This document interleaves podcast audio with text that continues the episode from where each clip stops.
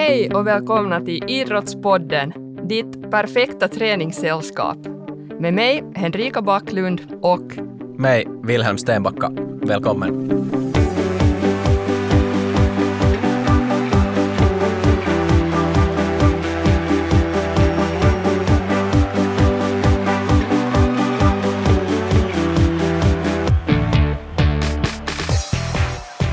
Idag ska vi diskutera medialisering och hur media kan påverka idrottens utveckling.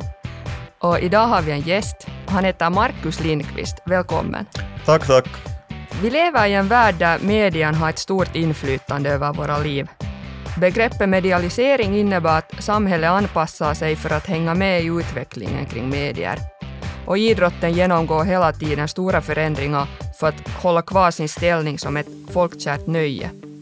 Idrottens arrangemang bygger idag mycket på att se så bra ut som möjligt på TV. Medias representanter rapporterar om det som de tror att läsarna och tittarna vill ha och se. Och det positiva med det här är att vissa grenar och idrottare får mycket publicitet och blir förebilder för folket. Och för en del idrottare kan det bli för mycket publicitet och vissa grenar till och med hotas försvinna helt då de står fullständigt utanför mediebevakning. Dagens centrala frågor är därmed hur kan media bidra till större synlighet för enskilda grenar? Och vem är det som förtjänar synlighet i media?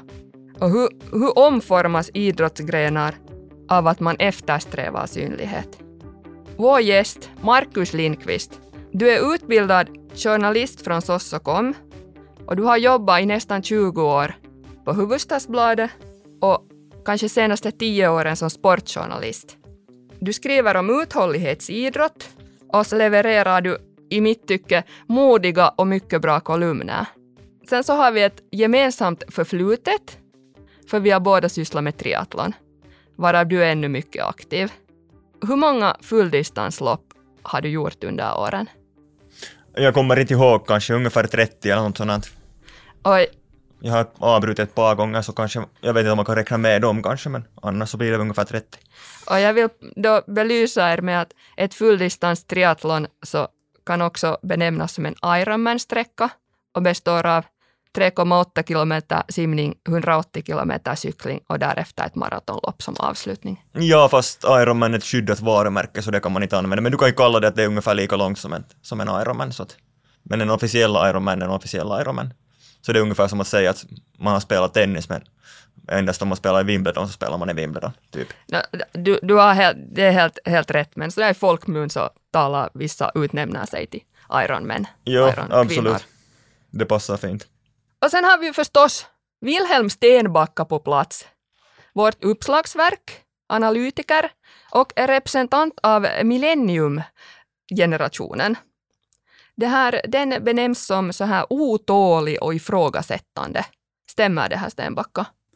I alla fall så att uh, man tar inte ett givet svar som ett givet svar, så man ställer frågan på nytt att är det faktiskt så här? Så kanske en ifrågasättande. Ja, tålamod så har vi nog här. Bland annat har jag haft tålamod att lyssna på dig i ganska många avsnitt. Jaha. Och det bevisar väl någonting? Mm. Hur tycker du att du får utlopp av dina de här millennial-egenskaper i ditt idrottande? Ja, där var jag kanske då lite otålig. Eh, har lite inbyggt tvång att träna gärna två gånger i dagen, eller i alla fall motionera idrotta två gånger i dagen. Eh, sen givetvis min eh, benägenhet att ifrågasätta saker och ting har att göra med hur jag tränar, så att alltid försöka hitta det klokaste alternativet för dagen. Just det. Idag ska vi då diskutera sport, journalism och media. Hur ser er mediakonsumtion ut då det gäller sport, Markus? Jag brukar läsa kanske mestadels sådana kommentarer och kolumner och sånt, sånt som har lite ställningstagande analyser och sånt av, av sport och, och sen jag brukar inte kolla så hemskt mycket på, på TV, idrott, som man kanske skulle tänka sig. Det är lite tråkigt, jag tycker att live att är ändå liksom betydligt bättre så att men jag brukar ha ganska bra koll på vad det som händer så att det kanske hör till ditt, dina arbetsuppgifter också? Ja, det blir ju lite sådär att, att förut kanske jag följde mer och mer sport på fritiden, men eftersom jag jobbar med det så, så är det kanske lite sådär att på fritiden orkar jag inte så, så hemskt mycket titta på något på sport. Hur ser Stenbacka din mediekonsumtion ut? No, om vi tar det, det som gäller mina grenar då, skidåkning, skidskytte, vissa, i viss form löpning och uthållighetsgrenar annars så kanske jag, jag lite benchmarkar och följer med historier och narrativer från egna grenar bara av eget intresse. Men sen annars så nu har jag väl kanske lite också det här yrkessjukdomen Markus talar om att inte konsumera sport som medieprodukt utan det är mera någonting som, som tjänar jobbet och det professionella och sen egentligen egen mediekonsumtion är nog mera saker och ting, alltså som, som konsument då, någonting som inte har med idrott att göra. Är själv, hur mycket tittar du på no, alltså, sport? Jag läser Hufvudstadsbladets sportnyheter och sen det var Yle, svenska Yle ungefär levererat. Jag är väl som en normal 70-åring. Jo, fast du har avslöjat för mig att du brukar alltid läsa tidningar några dagar i efterskott, så att du har koll på det som hände i förrgår oftast. No, jo, men, men det är bara för att jag inte vill missa något om det var någon bra intervju av någon idrottare. Så då stör det inte om man läser det en vecka för sent. Nå, nej, en bra intervju håller ju hur länge som helst. Exakt. Det här, vad är enligt er bra sportjournalistik och vad är riktigt dålig journalistik, Markus? Dålig sportjournalistik är kanske det då man till exempel frågar Patrik Laine om, om hur många chicken wings han har ätit eller sådär. Men, äh, annars så dålig sportjournalistik är också sån där då man endast räknar upp till exempel resultat eller skriver hur det gick i en match eller någonting sånt där. Och bra sportjournalistik är kanske sånt där man går på djupa och analyserar prestationer och frågar, mm, intervjuar människor mera sådär liksom mm, som människor, och inte enbart som idrottare och sådär liksom. Och kanske också tycker jag det är bra sportjournalistik då man pratar mera ingående om själva liksom idrottande och inte bara sådär liksom att ja, att hoppade 2-0 en i, i höjd och sådär och så blev det liksom sådär att liksom gå in på djupet hur den där personen tränar och vad som har lett till den här prestationen och så här. Så, sånt är jag mera intresserad av, åtminstone personligen. Vad tycker du, Stenbacka? När jag har den här, min akademiska bakgrund som får mig att tänka att en bra, en bra inlägg eller bra substans är sånt som är helhetsmässigt, sånt som täcker saker från olika perspektiv. Har man en, en artikel eller något innehåll som har en målsättning att belysa ett ämne bara från en perspektiv så är det ganska sådär, det anser jag inte vara, vara kvalitativ journalistik.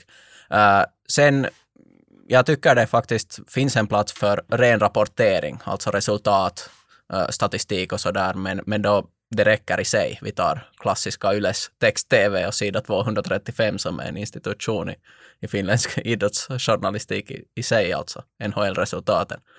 Men äh, jag håller nog med om att, att när man belyser någonting på djupet eller när man berättar, berättar en historia, gärna om någonting som, som kanske alla läsare eller lyssnare inte känner igen, så det är bra journalistik på det sättet att, att det ger information om någonting som är värt att informera.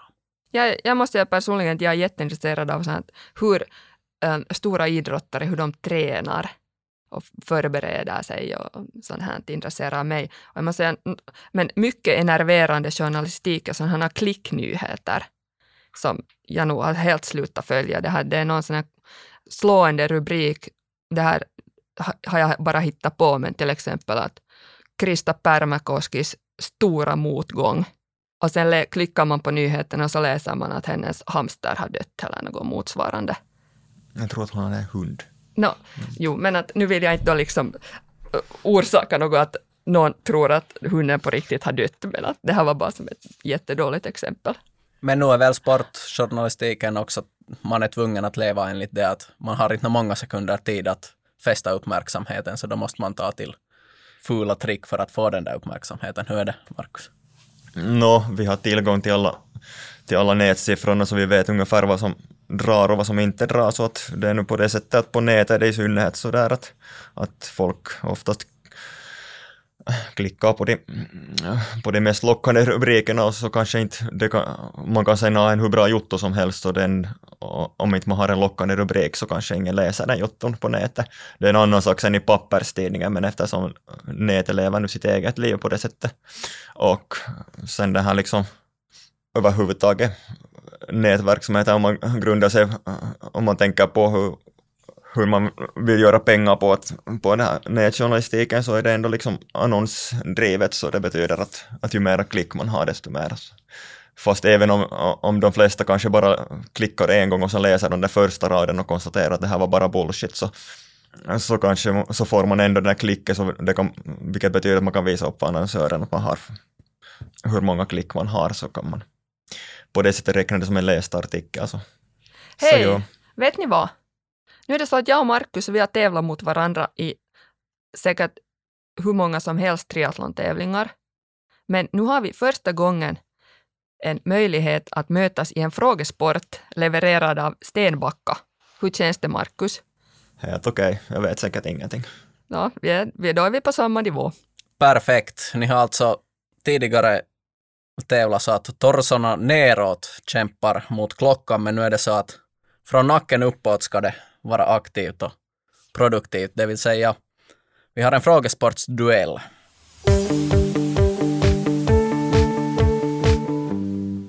De här duellerna i Idrottspodden har bevisat att idrottsrelaterade frågesporter är ganska kluriga också för de som är insatta.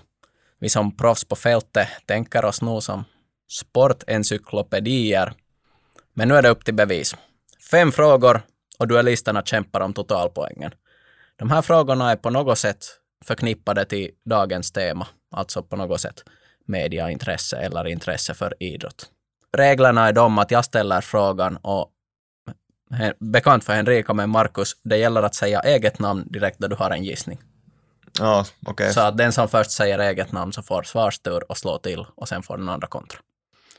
Har ni det där svärden framme? Yes. Vi kör med första frågan. Hur mycket är den nuvarande TV-dealen mellan ishockeyns FM-liga och Telia, som äger TV-rättigheterna, värd per säsong? Hur mycket är den här TV-dealen värd? Och ni får fyra alternativ. A. 2 miljoner euro. B. 11 miljoner euro. C. 23 miljoner euro. Och D. 86 miljoner euro per säsong. Jag kan börja. 11 miljoner. Tack Henrika, fel. Mm, då är det säkert 23 miljoner. Det är alldeles rätt. En poäng åt Marcus här. 23 miljoner i säsongen. Sex år lång deal. Fråga nummer två. Enligt Sponsor Insight är Finlands intressantaste sport år 2020 ishockey, då 53 procent av befolkningen uppger sig vara någorlunda intresserade eller mycket intresserade av ishockey. Vilken gren är med 43 procent på andra plats? Och ni får återigen fyra alternativ. A. Friidrott. B. Fotboll. C.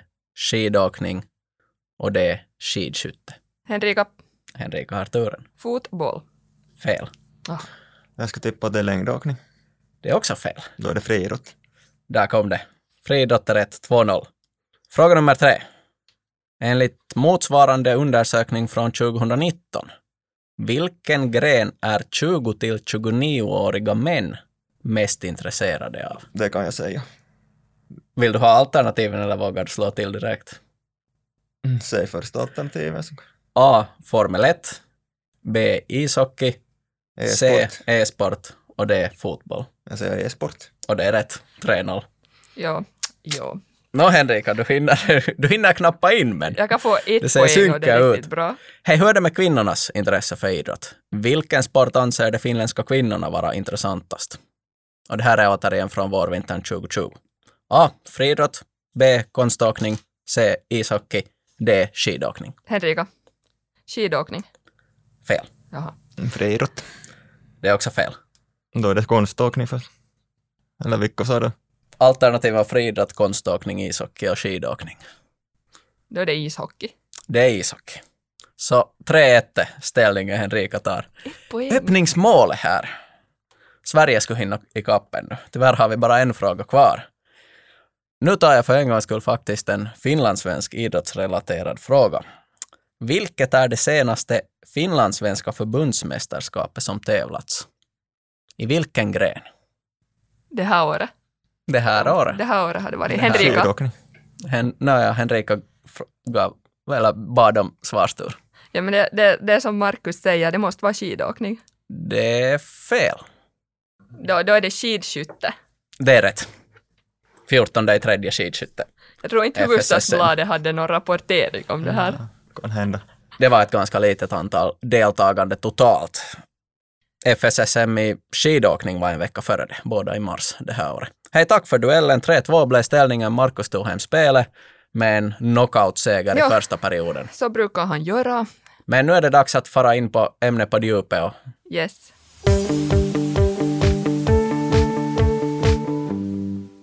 Medialisering. Kanske börja i början av 1900-talet när de första tidningarna grundades och man insåg ganska snabbt att idrotten intresserar och lockar läsare. Och sen när televisionen kom med i bilden på 1950-talet så började idrottarna själva få komma till tals i medierna och det blev en större betoning på dramatik och känslor. Och samtidigt så började idrottarna definieras som hjältar bland folket. Och i början av 2000-talet så då kom hemsidorna in i bilden och efter det de sociala medierna var idrottaren kan skapa sitt eget varumärke. Varför intresserar idrott så mycket? Det är dels beroende på att idrottstävlingar är tydliga konflikter. Idrott är något konkret och mätbart, det är oförutsägbart och så är det personifierat. Medialiseringen och genom den kommersialiseringen av idrotten, så det har skapat ett beroende mellan idrottaren och mediauppmärksamheten som inte är helt problemfritt. Markus, du jobbar som sportjournalist. Vad styr ditt arbete och vad du rapporterar om? Mm, Och det var folk är intresserade av att läsa om. Är det din chef som beordrar vad du ska skriva om eller får du själv välja fritt? Nå, vi har en ganska låg sån där hierarki, så, så på det sättet så har jag ganska stort inflytande själv över vad jag gör. Vilket också betyder det att jag får själv komma på med bra idéer som inte direkt till exempel anknyter till vad som just då är på gång. Hur får du, eller hur kan du analysera vad som intresserar dina läsare? Nå, som till exempel den nyligen nämnda Sponsor, site in, in, sponsor Insight-undersökningen så ger du kanske lite fingervisning och sen vet vi ju, vi gör läsarundersökningar och vi kan se webbsiffrorna och man vet ju vad som ger feedback och sådär. Hurdana artiklar vet du på förhand att kommer att få mycket läsare? Nå, det här går kanske in lite på sådana affärshemligheter men att för min egen del så vet jag att, att vissa artiklar som relaterar till skidåkning så, så, så vet jag att drar ganska mycket läsning och för vår del då vi är liksom som finlandssvensk dagstidning så vet vi att handboll och, och, och sånt drar ganska mycket publik och populära föreningar som till exempel IFK och Dicken och så här drar också ganska mycket läsare på nätet och säkert också i pappret. Sen tycker jag att du har sagt någon gång att, att om du skriver om Therese Johaug eller nämner henne i en rubrik så får det automatiskt mycket intresse. Jo, Therese Johaug är en av de här personligheterna som alltid drar mycket läsare. Får- Får jag ställa här en fråga att lokalt kontra internationellt, eh, vad ger mera feedback? No, nu är det ju helt klart lokalt och lokalt drar ofta om vi har något sånt speciellt, till exempel någon nyhet gällande lokala föreningar så, det, så drar det ju förstås jättemycket mera publik oftast. För det är kanske också därför att det, eftersom det är unikt innehåll i, i HBL då i så fall. Eller kanske så här att just det här nyheter till exempel gällande handbollslandslag eller, eller så här så stafettkarnevalen så eftersom det, det går inte att få någon annanstans. Men internationella nyheter till exempel, någon sådana övergångar i, tra, i transfers i Premier League så är det kanske sådär att man kan få den, den var som helst så det är ju inte, kanske man behöver inte vända sig till HBL för att läsa om det. Inte. Med kommersialisering så menar man att man dagligen kan förknippa idrotten med pengar. Medialiseringen så den skapar pengar och nya förutsättningar för elitidrotten. För att skapa ett bra mediainnehåll så krävs det en intresserad och tillfredsställd publik som du just sa. Och medierna rapporterar om det som drar mest publik. Samtidigt så är mediauppmärksamheten ett måste för att ha kommersiella samarbetspartners och många idrottsgrenar utförs idag på det mest åskådarvänligaste sättet som möjligt. Hur har idrottsgrenar omformats för att anpassa sig till mediasynlighet? Vad tänker ni på för grenar? Svårt att börja men att såklart ser vi olika idrottsgrenar förändringar i, i upplägget. Det kanske mest klassiska exemplet är kanske modern femkamp som, som förut avgjordes under fem dagar under OS och numera avgörs i själva verket som fyra grenar under en enda dag. Det vill säga det finns inte löpning och, och skyt, terränglöpning och skytte som skilda grenar utan det, han, det är löpskytte, en form av löpskytte som används så. Och sen har vi till exempel straffläggning i ishockey och och, och, och vad ska man komma på olika sprintlopp i, i skidåkning. Och, det tänker jag genast på. Sprintåkning i skidning. No, där, där, finns det här idrottare mot idrottare situationen, det vill säga en mer intensiv konkurrenssituation som kan mätas i realtid. Så finns det ett annat viktigt element, vilket att man kompresserar det här tävlingsinnehållet i en kortare tid. Det klockslag från och med att tävlingen börjar till att tävlingen tar slut. I alla fall dess intressantaste skede är kortare. Och det är ju en av grejerna som förklarar till exempel friidrotts-VMs upplägg med långa kvaltävlingar på förmiddagen och sen korta finalsessioner på kvällen. Och sprintskidåkningen är ju ett sätt att få, få den där egentligen mest intressanta stunden paketerat på två och en halv minut. Sen kanske i orienteringen så de här stadssprintarna och nu det här knockout heter det knockout. Ja, knockout sprint. Och sen var det i vintras som det kom 100 meter skidning. Jo, eller de har kört med det några säsonger förut också, men att det var kanske lanserades någon ny, ny elitserie med stora prispengar det här senaste. Och sen var det kanske nytt att de tävlade under samma helg, var det kanske Drammen eller så här, som, eller Dresden, under samma helg som världscupen, vilket gav lite mer kanske uppmärksamhet. Men jag tycker det var endast norrmän på startlinjen, men vi hade, vi hade någon finlandssvensk kvinna som klarade sig Jenny, Jenny Lindvall klarade sig ja. riktigt bra där. Och vi, klart att det är grenen som är som starkast i nordiska länderna så, så det där slår till där och, och försöker genom ett nytt koncept eh, locka intresse i Mellaneuropa. Jo, den där 100 meters sprinten lider ju kanske lite av det att åtminstone än så länge har inte har inte de bästa skidåkarna varit med oftast. Stina Niasson var med för några säsonger sedan, då hon, jag tror att hon satte världsrekord då. Så det, så det är lite svårt att säga.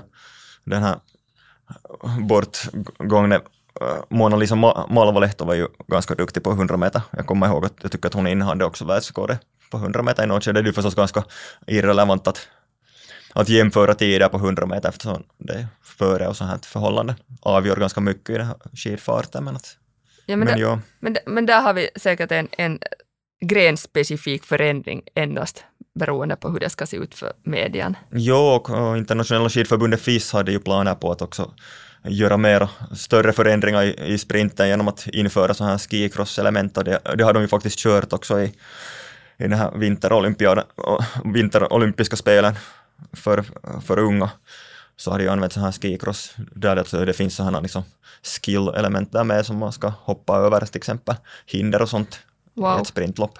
Jag, jag tänker sen också på sån här var kvinnolag uppmanas att ha kortare shorts eller på något vis attraktivare, intressantare klädsel för att locka publik.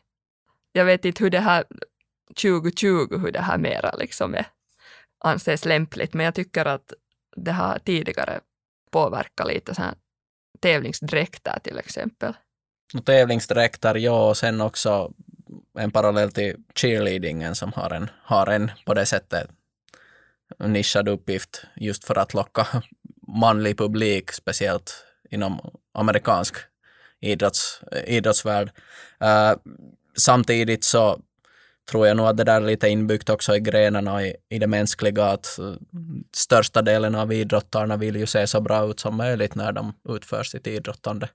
Så att inte det kanske är någonting som kommer enbart uppifrån eller från konsumenten, utan det kommer kanske också lite från idrottarna själv. Men det här, det här kommer vi tangera lite senare. Jag tror inte man ska överdriva det här heller, det här vad heter utseendets betydelse, för jag tänker till exempel i friidrott där det är numera vanligt att, att också kvinnor har ganska har ganska såna, vad heter det, tajta dräkter, så jag tror inte att det beror på det att, att de enbart tänker på hur det vill se ut, utan att de har också, de har vissa fördelar med att man oftast vill klä sig på det sättet som är effektivast att, att tävla. Jo, det, det är helt sant. Fast i vår gren triathlon har ju utvecklingen gått i motsatt riktning eftersom det var då på 90-talet var det, var det män, män tävlade i speed och, det här, och kvinnor tävlade i bikini på så, där, så, så nu har utvecklingen gått eftersom man har kommit fram till att det är mer aerodynamiskt att ha lite längre dräkter så de flesta har sådana t-shirt-modeller och, och så här mera heltäckande dräkter. Mm, enligt vetenskapen. Det finns en hel del grenar som lämnas helt utanför mediebevakningen. Vilka grenar tänker ni på? Nu talar vi då om, om så kallad eh, media för allmän publik. Eh, det är på det sättet en intressant fråga för att idrotten skapar ju sin egen media. Och speciellt de mindre grenarna så skapar en skapar eller producerar sitt innehåll själv för sin egen publik. Det blir en lättare variant, alltså typer av streaming. Eh, vi tar några Crossfit Games, ett väldigt mycket tittat följt evenemang globalt men ändå ingenting som slår igenom på, på de här traditionella mediekanalerna. Uh, så att det är niss, många, många idrottsgrenar har märkt att de måste göra det själv för sin egen publik, men, men då egentligen understryker de det att de har inget att göra på, på de större medieplattformarna. Då blir de lite utanför. Vad tänker du, Markus, på för grenar som inte rapporteras om? Nå, no, inte vet jag. Alla det finns ganska mycket sånt som eh, ett bra exempel är kanske orientering och ännu mera skidorientering i Finland. Jag tänker, orientering, om man tänker på hur många lag som deltar i Jukokavlen så det är en sån jättepopulär sån hobbysport i Finland men att liksom mediebevakningen är väldigt liten. Det är ju klart att såklart de som är insatta i den här sporten och så de kanske följer med kanske just egna kanaler och så här men att eftersom den här liksom intjäningslogiken i, i hela orienteringen fungerar inte på det sättet att de har liksom stora samarbetspartner och stor mediesynlighet, utan kanske detsamma gäller säkert också någon sån här typ då Crossfit, att, att deras samarbetspartner är sådana som till exempel säljer utrustning till utövare, till exempel de säljer skor till, till orienterare eftersom det, det är en fungerande logik eftersom det är så jättemånga som håller på med det som hobby. Medan till exempel det är ju inte så hemskt många som håller på med, ska vi säga, äh, backhoppning som, som hobby. Så att till exempel att gå efter jobbet, slänga några öl i oss, hoppa lite backen. Nu är det så att handbollen har ju inte heller kanske så många utövare i Finland. Men ändå har Hufvudstadsbladet valt att, att satsa ganska mycket på handboll. Mm, eftersom det är vårt vårt målområde ändå i stort sett Svensk-Finland och huvudstadsregionen och, och, och det här sydvästkusten, så det är ju där är handboll ganska stort ändå. Så. Men har det, har det varit ett lyckat koncept? Har det burit frukt för, för tidningen? Jo. Hurdan respons har ni fått? No, alltså nu får vi ju förstås positiv respons och de får också respons på det sättet att, att folk läser våra artiklar om handboll det finns säkert ett ganska mycket större efterfrågan på handboll än på vattenpolo eller? Jo, som ni kanske har märkt så skriver vi inte så hemskt ofta heller om boboll till exempel, superpesis, vilket ju kanske fast superpesis är en ganska stor liga i Finland så, så är det ju ganska sällan som vi har några djuplodande reportage eller känslosamma kommentarer om superpesis. Far vi till Seinäjoki och läser Ilkka Pohjalainen så är det andra vägen runt säkert med ganska lite handboll.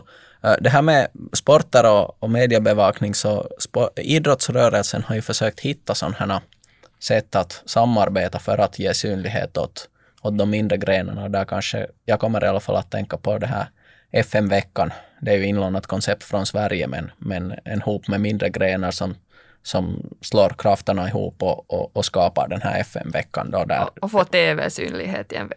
Då. Ja, men där är det också intressant hur mycket varje gren eh, till det här FM-tillställningen justerar egentligen antalet spelare på plan eller förkortar matchlängderna så att de är intensivare och kortare och på det sättet intressantare. Jag kommer att tänka på någon streethockey eller lacrosse eh, och just vattenpolo i alla fall från, från fjolårets mästerskap som var inte eh, matcher i dess vanliga form utan det var, det var förkortade eller intensifierade stunder som syntes i TV då.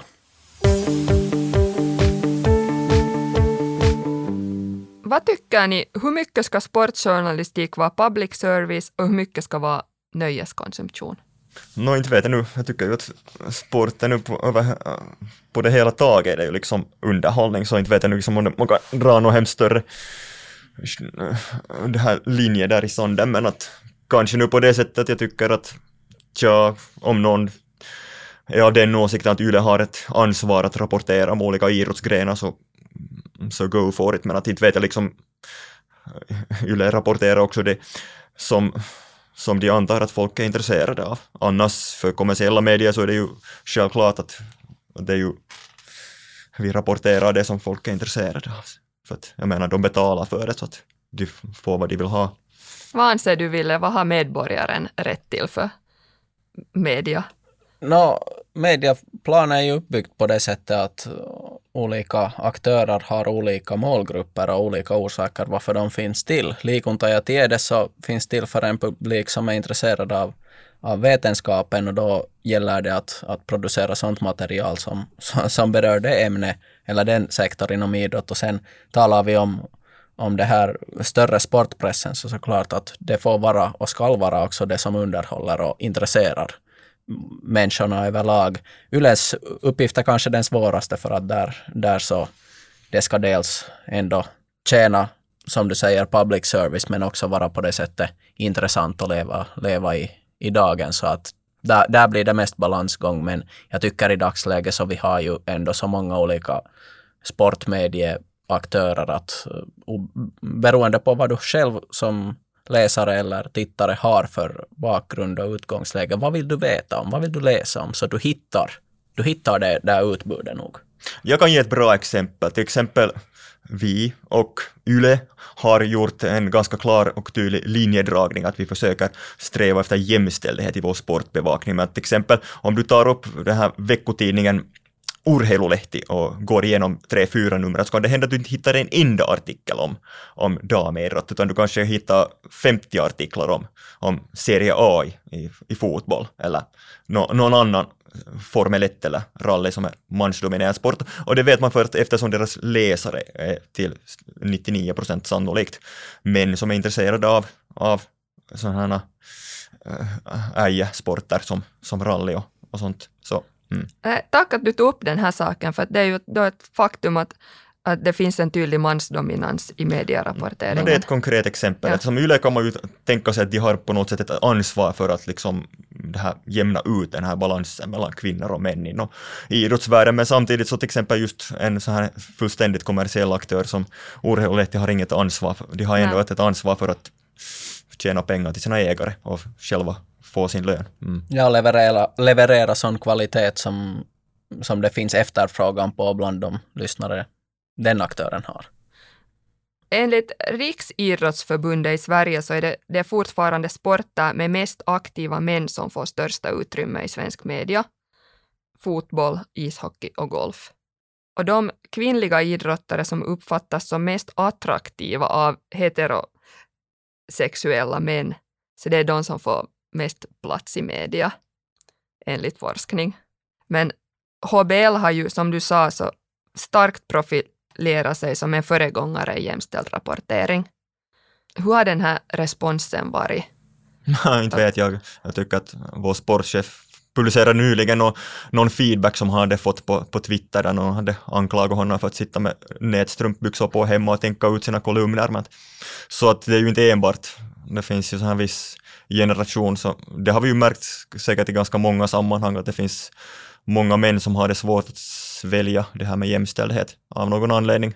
Så inte det är så hemskt lätt, men att till, till, största delen så har vi fått förstås positiv feedback och det har också lett till det att, att många människor som, som förut kanske, som annars kanske inte skulle läsa sportsidorna, eh, har blivit mera intresserade av sport eller läser mera sportsidorna. Det här tangerar lite den här diskussionen med en evig kretsgång, att om vi rapporterar bara om hockey och Formel 1 och friidrott och skidåkning så, skapar det bara intresse för dem och man rapporterar bara om manlig idrott eller de stora manliga proffsligorna i världen så skapar det bara intresse för det och, och, och där gör man en kanske man måste just bryta mot den här trenden för att skapa det där intresset också. Ja, att, att, ta den åt andra hållet. Vem gynnar det här att man, man vågar göra en sån profilering? Samtidigt måste man komma ihåg att, att som det nämndes förut, att den populäraste idrottsgrenen bland kvinnor är fortfarande ishockey. Så och, då snackar vi förstås inte om damishockey tyvärr i Finland eftersom det är en ganska marginell sport om vi ser som, eh, som underhållning. Annars om damishockey skulle vara jättepopulär så skulle, vi, så skulle det kanske vara mera publik än 200-300 personer på, på, på matcherna i FM-serien. Det var ju ganska mycket publik förstås på, på VM för ett år sedan i, i Finland. Men sådär som att det som gör att, att ishockey är jättepopulärt bland kvinnor så är ju förstås nog än så länge det att det är herrarnas ishockey som intresserar i synnerhet och kanske landslaget.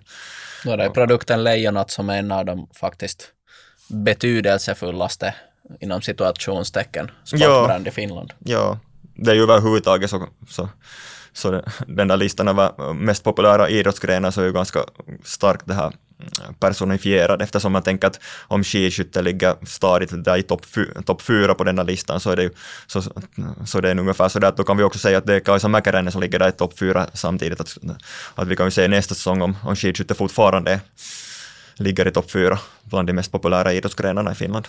Ja, en kvalificerad gissning är ju att den går lite neråt i och med att ja. största, största namnet från finsk perspektiv um, slutade. En manlig idrottare, så han får sällan frågan varför han idrottar av sportjournalister.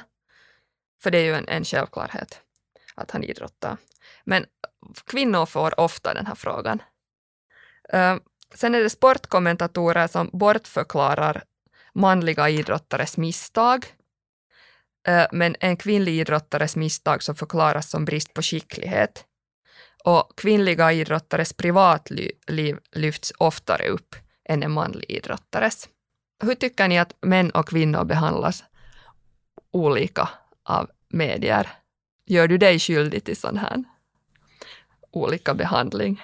Nå säkert ibland på det sättet man kanske eh, utan att tänka efter ställa annorlunda frågor men sen förstås så kvinnor och män är lite annorlunda ibland så man måste kanske liksom också tänka på den där situationen då man gör den där intervjun, men att såklart att nu hör man ganska mycket, jag kanske inte gör det, men att mm, no, vi kan säga att jag hör till exempel att kollegor ställer liksom sådana um, mm, ibland speciella frågor som till exempel frågar, frågar kvinnor om deras privatliv till exempel, hur var det med det här, jag hörde några rykten om en ny pojkvän eller någonting sånt. Och, och det, mera sällan skulle man fråga kanske av, av någon manlig idrottare att ja, att jag har hört att du att du sällskapar med det här, att hur är det nu liksom att eh, den typen av frågor, men där också så mm, journalisterna så tänker på vem de jobbar för. Att jobbar de för en kvällstidning så, så är det ganska typiskt att de liksom frågar om, om privatliv och sånt.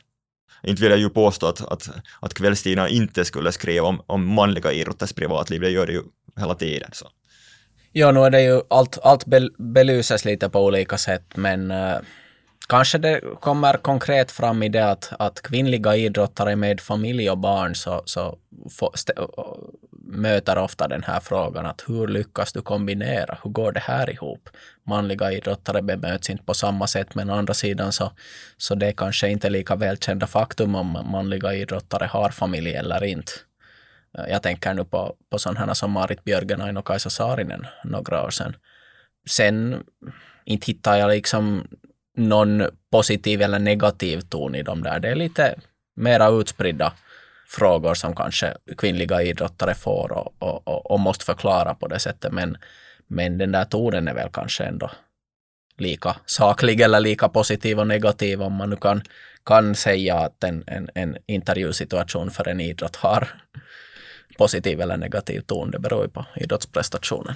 Alltså, no, personligen tycker jag att jag ställer nog till 99 procent samma frågor till, till män och kvinnor.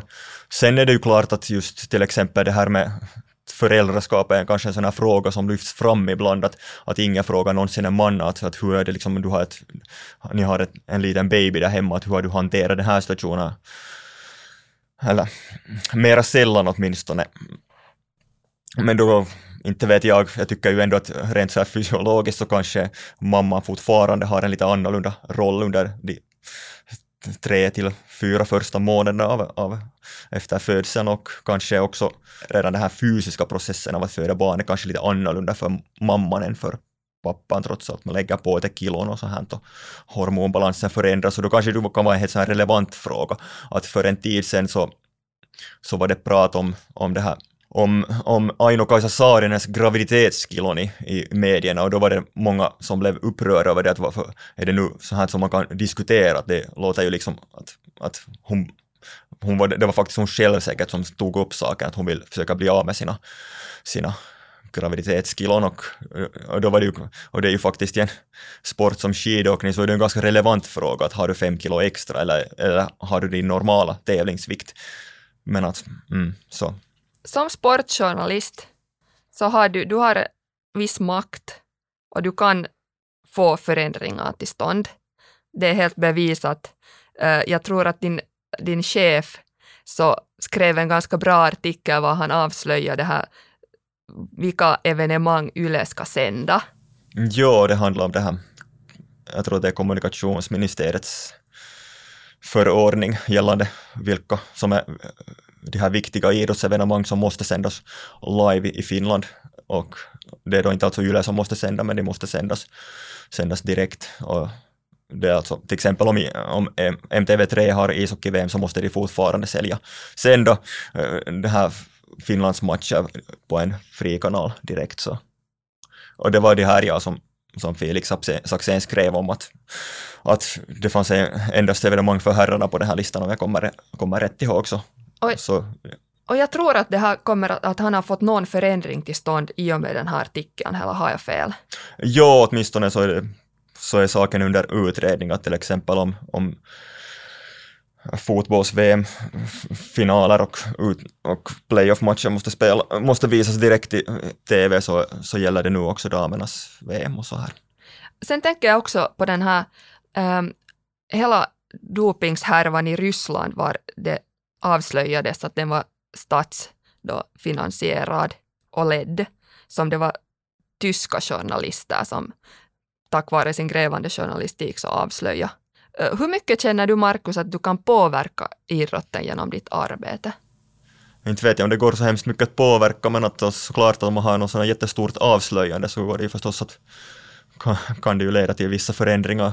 Vi har nu Förut har vi skrivit om handbollslandslaget till exempel då, i ett skede då de, handbollsförbundet lade ner damernas landslagsverksamhet för en tid, men att fortsätta med herrarnas landslagsverksamhet, men de tyckte inte de hade råd med att låta damerna spela landskamper, så, så sådana saker kan ju leda till förändring. Vad skulle du, hurdan förändring skulle du själv vilja få till stånd om du skulle ha möjlighet? Ja, det är svårt att säga, men att till exempel i Finland så skulle en förändring som skulle vara rolig att få till stånd, men det är ganska svårt till exempel, åtminstone den här sommaren på grund av de här coronarestriktionerna, men att det skulle vara, det skulle vara kul att se att, att, att finländarna skulle mera uh, gå på live-idrott och så här, att det är ganska mycket nu så här att, att jag vet inte, det är liksom en sån här sak som inte hör hemskt mycket tydligen till till den här finska kulturen att, att, att gå så hemskt mycket på live-idrott, att just som jag nämnde tidigare, den här damernas ishockeyliga som, som de, oftast de närmast sörjande är på plats, så, så att det skulle vara kanske kul att få folk att inse att, det, att idrott är mycket mer, mycket roligare på plats att se. Okej. Okay. Du har jobbat nästan 20 år som journalist. Hur tycker du att medierapporteringen från idrotten har förändrats under den här tiden? Har du sett något sånt här? Ja, inte vet jag var jag ska börja. Allting har förändrats. Ja. Det är sådana stora, stora saker som har ändrats. Nå, no, alltså, no, nej, det har förändrat allting förstås. Att det har, att efter, i synnerhet har det ändrat för, för printmedierna eftersom förut var, var journalistiken mer sån liksom dagen efter rapportering och ofta var det mer så här liksom vi hade till exempel så här typiskt att vi kunde berätta hur det gick i en, en match som spelades dagen innan. Så, mm, och sen mycket så här resultatservice och sånt, så vilket ju har blivit betydligt mindre eftersom alla, alla, alla resultat finns online och så här. Och, så, och också allting sker så mycket snabbare, nyheterna sprider så mycket snabbare. Vi kan inte liksom, alla vet till exempel hur det gick i matchen som slutade i, igår, så, så därför så har det blivit det här tempot har blivit helt annorlunda på det sättet. Och sen så på det sättet så har istället artiklarna blivit mera liksom just går mera in på personer och så här kanske. Jag, jag tycker alltså om, om jag skulle säga någonting så är det nog de här sociala medierna som har kommit in i bilden och det är att de här idrottarna kan liksom själv bygga upp sitt varumärke. Ja, no det är ju förstås en sak, det kanske har kommit nu under helt bara de här två, tre senaste åren som det har blivit ett allt starkare fenomen. För att, jag menar för att idrottarna kanske inte ens behöver tala med media för de kan själva eh, bygga, sig, bygga en image som de, som de vill på till sin egen publik på, på sociala medier och slippa de, de mesta besvärliga frågorna på det sättet. Vad tror du Stenbacka har förändrats? No, det finns många jättemånga fler former av mediaplattformar inom sport, där det finns idrottaren och idrottsorganisationen och, och, och då egentligen sportpressen, men att när det finns så många flera aktörer som skapar innehåll, så då kan varje aktör egentligen koncentrera sig på det som den är till för. Vad jag ser för sportjournalisten så istället för att, som Marcus sa, att rapportera vad som hände igår eller förra veckan, att bara rapportera någonting som har skett, så nu, nu, nu, nu kan sportjournalistiken ställa frågan varför, vad om, vad borde och, och på det sättet tillföra mycket mer till diskussionen bakom och inom idrotten istället för att bara berätta vad som har hänt. Och det är någonting som är positivt, alltså vår idrottsdiskussion är mycket mer levande och den berör Eh, fler personer, fler konsumenter också, fler tittare och, och, och följare. Att det är inte bara, bara det här dunjacka-avdelningen som snackar, utan det, det är liksom alla som berörs av idrott. Och där, där tycker jag att det finns ju mera innehåll, massvis med innehåll. Du kan inte äta upp allt innehåll, men att, att, det, att det finns helt enkelt utrymme för den där diskussionen. Så det tror jag att utvecklar idrotten mer. Mest. Och jag måste nog säga att, att jag tycker att du har där lyckats, Markus. Dina dina artiklar eller såna här längre reportage, de uppfyller just det här som Ville sa. Så jag, jag rekommenderar att läsa Markus Lindqvist sportrapportering om ni har möjlighet. Jo, absolut. Uh, Samtidigt måste man komma ihåg att det är ganska många, till exempel av våra läsare i synnerhet, som som är ganska konservativa fortfarande i sin, sin mediekonsumtion. Man ska inte utgå från att alla eh, använder sociala medier eller läser sina nyheter på, på sin mobiltelefon eller så här. Så, att, så därför så den, på basis av den respons som vi har så det är väldigt stor del av våra väldigt betydande del av våra läsare som, som vill ha så här traditionell rapportering. Att, i synnerhet om det nu är, pågår något, något VM eller sånt så kan vi inte bara liksom ha sådana djupgående personporträtt på eh, spelarna eller, eller intervjua lagets, lagets vad heter det, skidvallare eller så här utan vi måste ha liksom faktiskt helt bara liksom också resultat, hur det har gått och så här liksom och matchrapporter och sånt. Ja visst har uh, ligaställningarna och, och det här uh, tidsskillnaderna från täten i slutet av sportavdelningen fortfarande sitt utrymme. Vet ni vad? Vi har kommit till eftersvett. Det betyder att nu hoppar vi över till något helt annat ämne.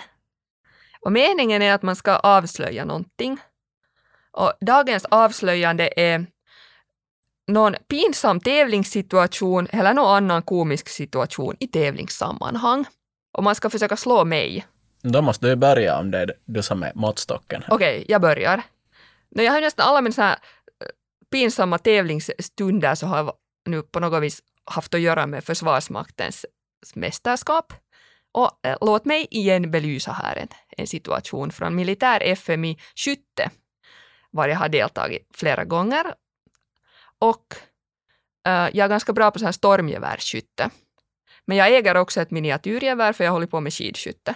Och så fanns det en gren som var mini, miniatyrgevärsskytte, tre gånger 20 skott. Och jag tänkte att no, jag, jag deltar i det när jag en gång är på plats och jag har ett miniatyrgevär.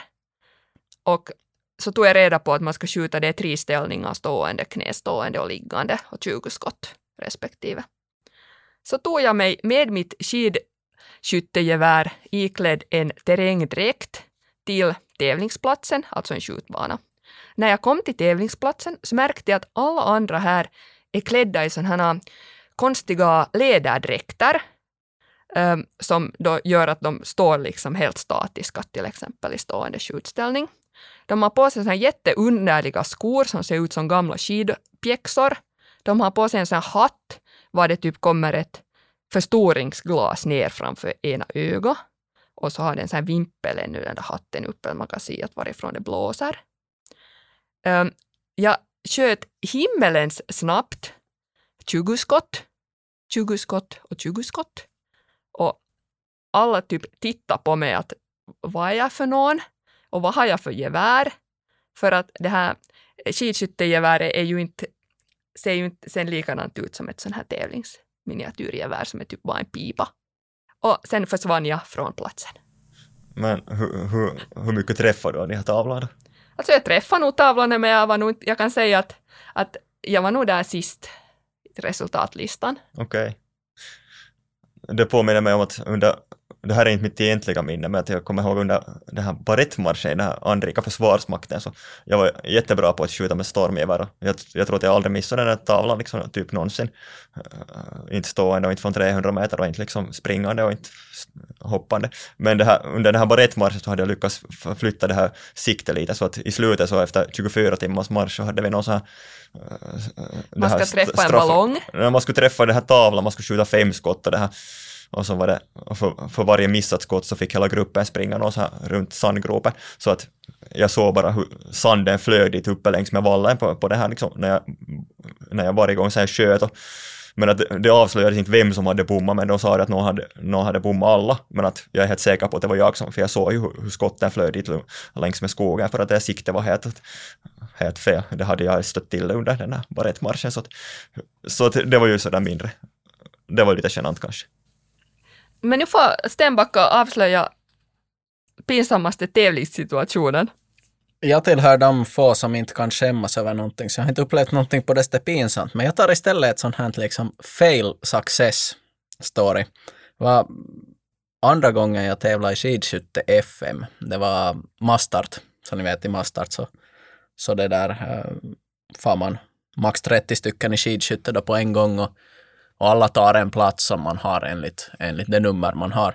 Och det var så att inte var det helt vanlig förberedelse och allting och jag får dit och ta min plats och, och, och, man brukar ju alltid när det är massstart eller stafett vara någon minut tidigare med, med att ha skidorna på en, en individuell start så att man är redo. Om det blir plötsligt bråttom så får jag dit och la alla kammar på allting och det var liksom förberedelse för tävling. Allt kändes vanligt, ingen sa någonting och sen 45 sekunder före starten så märkte att jag hade inte geväret med mig. Jag hade inte det på ryggen och ingen sa någonting. Ingen hade, där borde ju någon, någon ha liksom sagt där att ville hej. Fattas något?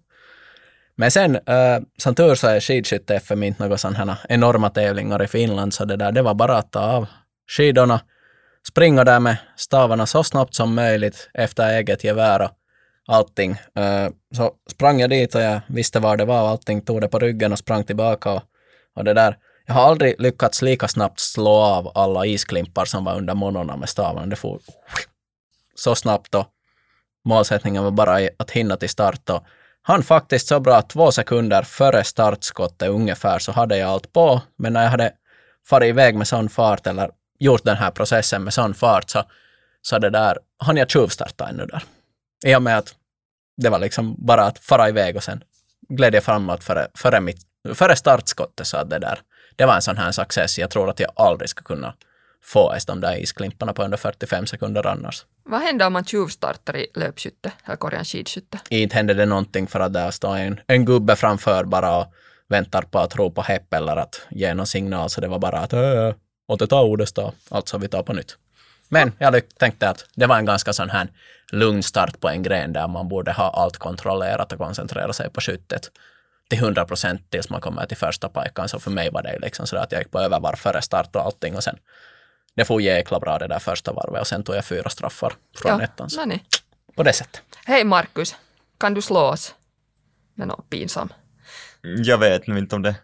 Alltså, det här, min historia har, hade mera långtgående följder eftersom det inverkade under resten av sommaren. Att jag, kan, jag skulle säga att det mest pinsamma, inte vet jag om det var pinsamt, men det var kanske lite mm, så här liksom, vad heter det, besvärligt eftersom i min första det här fulldistans, i mitt första fulldistanslopp i triathlon så det var i Sverige och det var lite i södra Sverige, Kalmar, så det var ganska soligt och varmt. Det var utlovat sådana 30 grader och, och, och jag har ganska blek hy så jag brinner i solen ganska lätt men att jag hade en erfaren kompis med en sån här Markus Holmlund som han berätt, jag frågade honom då innan tävlingen lite tips om allt möjligt och så frågade jag också att, att har du sololja där liksom i, i växlingen då eller hur?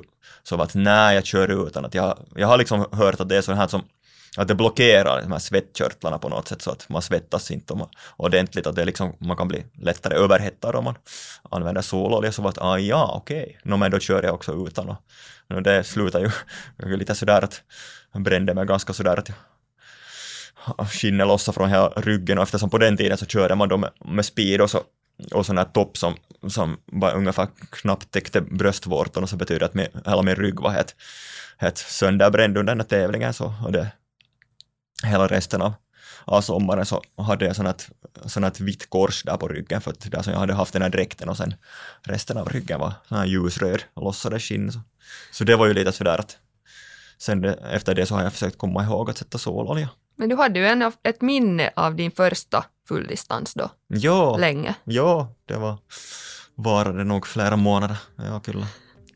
Yes, vi har, vad heter det nu, behandlat dagens ämne Tusen tack Markus att du kom. Jo, ingenting. Tack Markus. Nästa avsnitt kommer Stenbacka att berätta om. Ja, alla som konsumerar idrott så känner igen det här med att uh, idrottaren är en individ som kämpar mot vindkvarnar och de gubbar som står på läktaren med kostym eller med tjock dunjacka så de är de är svin, de har pengar och de bara bestämmer och njuter av att ha makt och bestämma. Vi ska inte gå in på det här med, med dunjackor och vem som sitter, sitter där på läktaren, men vi ska eh, göra en sån här modig tackling på det att hur löper offentliga euron genom det finländska idrottssystemet. Vi ska redogöra lite för hur Finlands idrottsstruktur är byggd, hur den uppenbarar sig jämfört med övriga nordiska länder och hur den här ekonomin hänger ihop. Alltså hur pengarna från Veikkaus eh, spelmaskiner och eh, övriga spel går till hoppeligen idrottsaktiviteter eller elitidrottares fickor. Äh, den här diskussionen som många älskar att hata så ska vi göra så att många älskar att älska förstå sig på hur idrotten är strukturellt uppbyggd i Finland. Och det här vill ni ju förstås inte missa. Ingen vill missa sådana djupa, viktiga diskussionsämnen. Yes. Ni når oss på idrottspodden at idrott.fi. Var gärna i kontakt. Berätta om ni gillar våra avsnitt eller vad vill ni höra mera om. Sen kan ni kolla upp finlandssvenska idrott på Facebook eller på Instagram, att idrottfi. Vi finns där. Yes, tack ska ni ha för att ni lyssnade. Tack. Nu är det dags att svettas. Hej då. Hej då.